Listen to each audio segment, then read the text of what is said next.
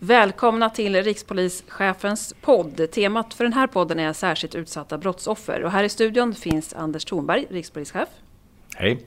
Och Carolina Paasikivi, polisområdeschef i Stockholm syd. Du ansvarar också för polisregion Stockholms arbete med särskilt utsatta brottsoffer. Ja, hej.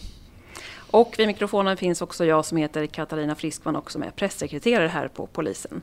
Anders Thornberg, särskilt utsatta brottsoffer. Det är ju ett begrepp som polisen inte har använt så länge. Kan du förklara vad vi egentligen menar med det här? Ja, det är våldsbrott mot särskilt utsatta eh, brottsoffer, det vill säga kvinnor och barn. Men det kan också vara hatbrott, eh, brott mot äldre eller funktionshindrade. Men det som vi har satsat särskilt på det är brott mot kvinnor och barn som blir misshandlade kanske i hemmet, i hemmets trygga vrå. Det är en, en fråga som inte är tillräckligt adresserad tycker jag i samhället. Som det är inte tillräckligt stort fokus på den frågan. Det är otroligt allvarlig brottslighet.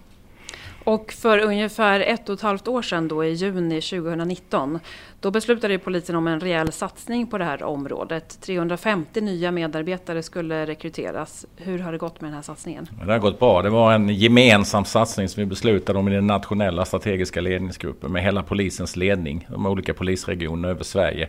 Där vi valde att utöver budget prioritera och göra en omprioritering och ta fram pengar till att anställa ungefär eh, 350 eh, utredare. Det är faktiskt närmare 380 nu som har anställts för den här uppgiften. Och det har tagit eh, ett knappt år att få det här på plats. Så det innebär att vi på ett, eh, utan en ordentlig prioritering på de här frågorna och över hela vårt land så att de eh, kvinnor och barn som blir utsatta för våld eller hot om våld ska kunna få den uppmärksamheten de förtjänar och vi ska kunna utreda de brotten på ett så bra sätt som möjligt. En prioriterad arbetsuppgift i polisen. Och Carolina Paasikivi, i Stockholm så kallar ni er satsning på det här initiativ Gryning. Kan du berätta hur den ser ut?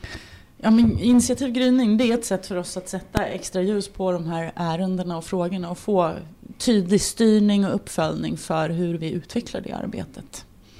Och hur går det för er då? Vi har bemannat nu i januari här alla de tjänsterna som eh, vi har utökat med och vi ser effekter framförallt när det gäller utredningar av brott i nära relation för vuxna. Men vi har fortfarande lite att jobba med på flera områden.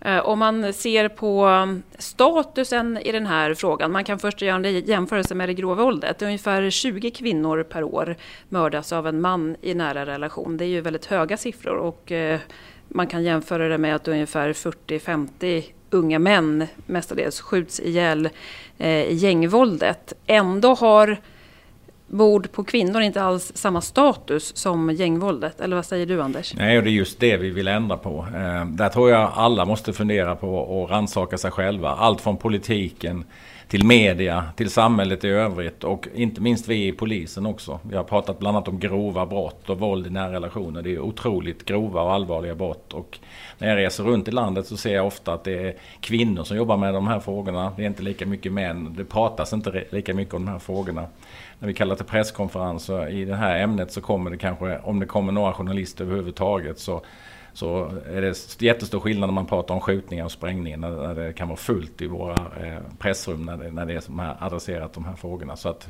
vi vill sätta ljuset på det här. Det är otroligt allvarligt att kvinnor och barn utsätts för våld i hemmet. Väldigt grovt våld som ofta slutar med ett dödsfall också.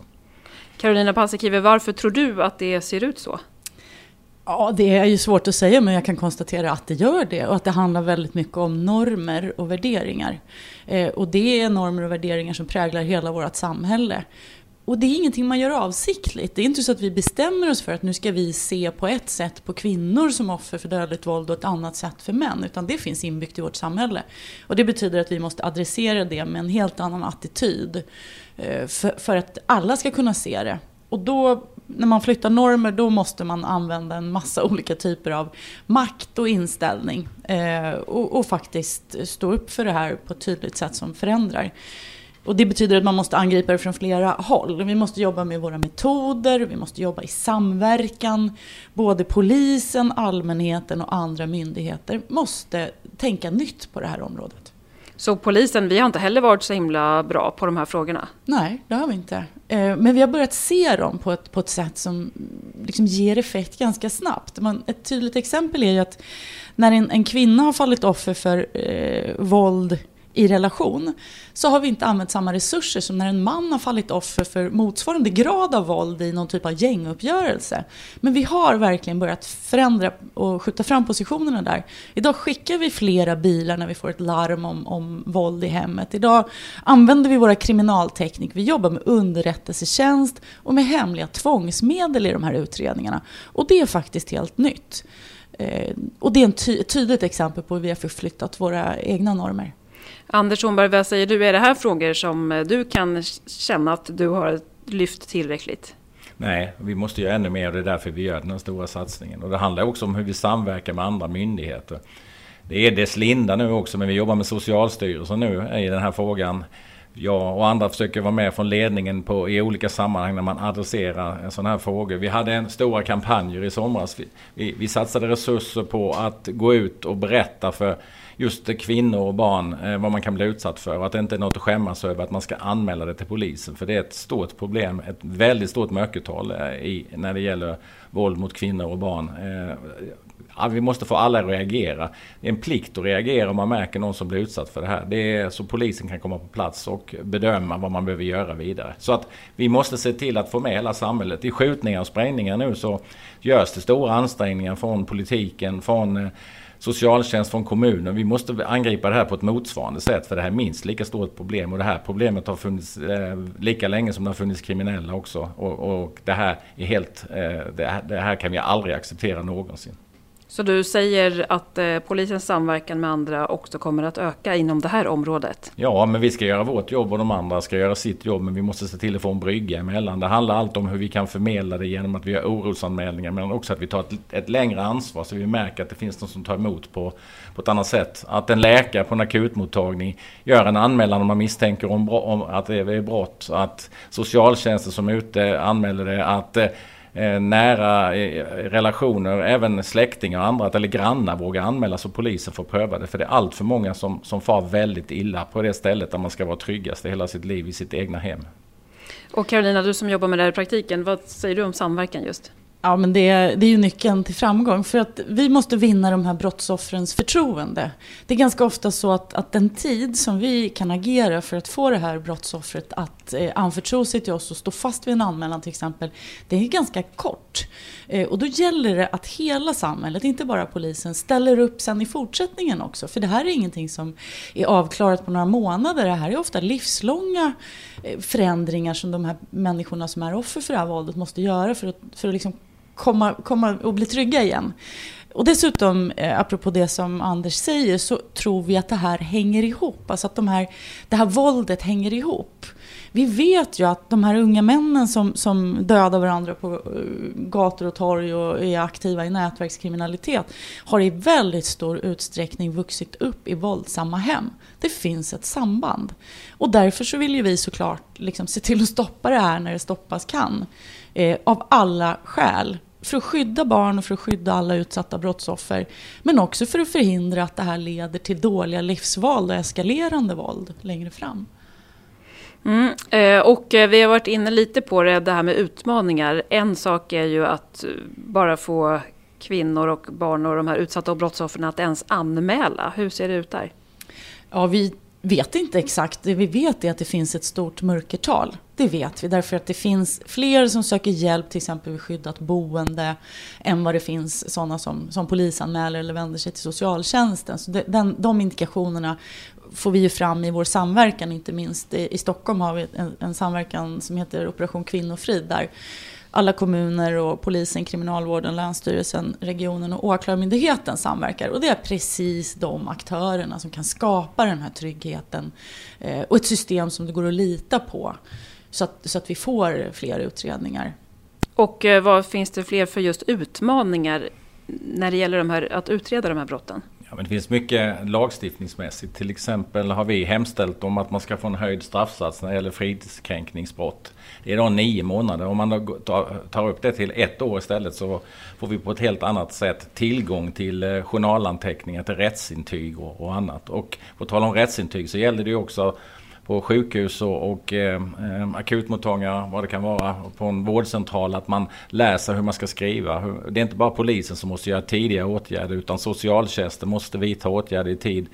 Eh, sjukhus måste eh, göra eh, noteringar. Det är ganska vanligt att de som är utsatta för det här blir fortsatt utsatta efteråt med påtryckningar och hot om våld. Och de anmäler det här och kanske tar tillbaka sin anmälan och det ställer oss i en svårare utredningssituation. Så vi måste ha vidare system. Och tänker man ännu längre då så handlar det om att se till att kvinnor och barn kan komma till skyddade boende, att det är kontaktförbud, att det finns många olika administrativa åtgärder som man kan göra också. Så det finns mycket att göra på lagstiftningsområdet också för att underlätta framförallt för brottsoffer men även för polisen och andra myndigheters åtgärder i samband med eh, våld i nära relationer.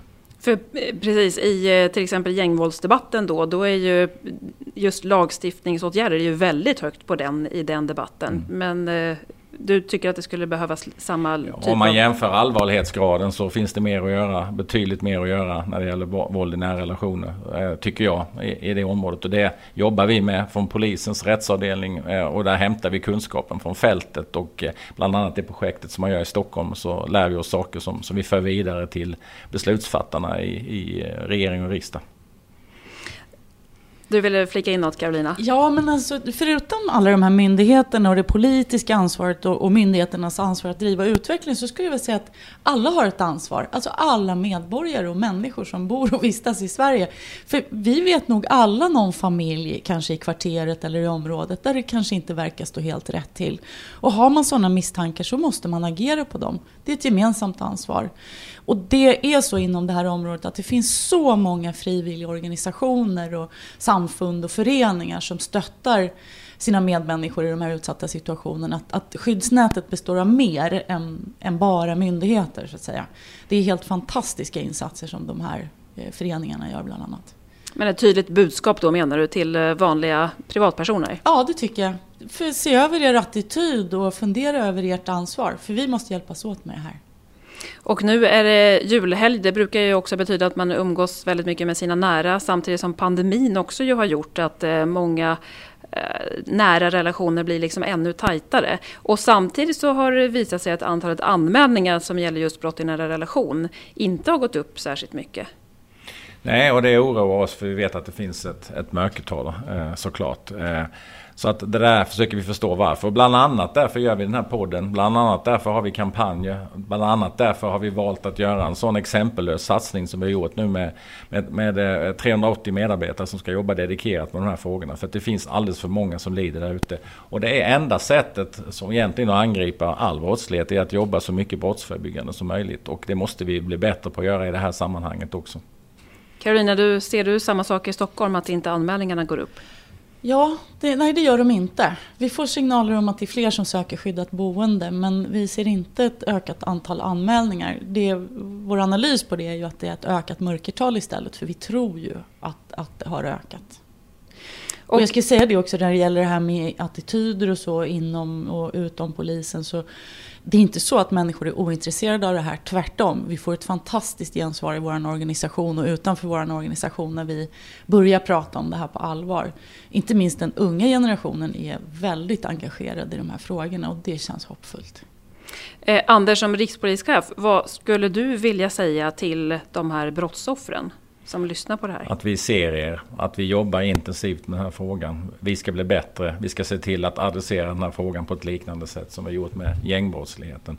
Och när det värsta eh, har inträffat, som det har gjort 20 gånger om året, det, det, ska vi göra allt vi kan för att få ner få ner det talet så mycket som möjligt. Och går det snett så måste vi verkligen analysera och, och lära oss och, och, och, jobba på ett nytt sätt tillsammans med andra myndigheter för att göra det här. Så att vi lovar från polisen att föra talan i den här frågan på ett bättre sätt än vad vi har gjort. Vi, vi lovar att eh, prioritera frågan och jobba tillsammans med andra myndigheter.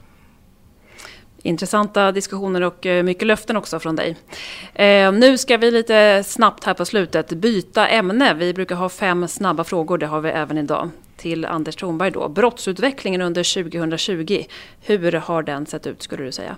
Det är ett fortsatt mycket allvarligt läge eh, med just, vi har hört våld i nära relationer nu, vill jag säga det först så att jag verkligen lever efter efter det som, som, som man lär. Men, men eh, det har också varit sprängningar och skjutningar. Det har varit bedrägerier i samband med pandemin och annat. Så att det, det, det är fortsatt allvarligt läge. Men polisen är offensiv och det är fullt på häkten och anstalter. Apropå pandemin då, fråga två. Har du själv ställt om dina julplaner på grund av pandemin? Hur ska du fira? Ja, jag är myndighetschef på Polismyndigheten så jag följer Folkhälsomyndighetens rekommendationer och lyssnar noga på myndigheterna och försöker dra mitt strå till stacken för att inte smittan ska spridas vidare. Fråga tre. Vad är top of the mind i polisens ledningsgrupp just nu? Tillväxten till polisen. Eh, vi måste se till att kunna leva upp till de förväntningarna som finns. Vi ska bli betydligt fler anställda. Vi, vi ska ha mer poliser och mer polisanställda som kan jobba mer med den här allvarliga brottsligheten som vi har pratat om i den här podden. Då kommer man osökt in på fråga fyra då i snabba frågor. För 2024 närmar sig ju med stormsteg och då ska polisen vara drygt 38 000 anställda. Hur går det egentligen med tillväxten? Ja, än så länge så går det enligt plan, men det är, det är, inte helt givet. Vi har haft ett besvärligt rekryteringsår på grund av pandemin där det varit svårt att resa till och, och söka. Trots det så ligger vi eh, ganska nära de siffrorna vi har, vi har sagt på nyrekryteringen. Men vi måste också hitta andra sätt eh, att eh, omskola eh, medarbetare på polisen, att eh, återanställa framför allt. Och det allra viktigaste är att behålla våra anställda i polisen. Så vi ska skapa så drägliga arbetsvillkor som möjligt och eh, uppvärdera polisyrket. Sista frågan, första frågan som du ska ta tag i 2021, vad blir det? Ja, det blir tillväxten som jag, jag ska ha tillväxtdialoger med de alla olika regionerna där vi gemensamt ska komma fram till hur vi ska bemanna och bestycka polisen framåt för att klara alla de här eh, utmaningarna. Det blev det sista vi pratade om i just det här avsnittet av rikspolischefens podd. Men det låter ju som att vi får anledning att återkomma till åtminstone tillväxten då och säkert till eh, särskilt utsatta brottsoffer också. Tack för idag Anders Thornberg och Carolina Paasikivi. Tack så mycket. Tack ska du ha.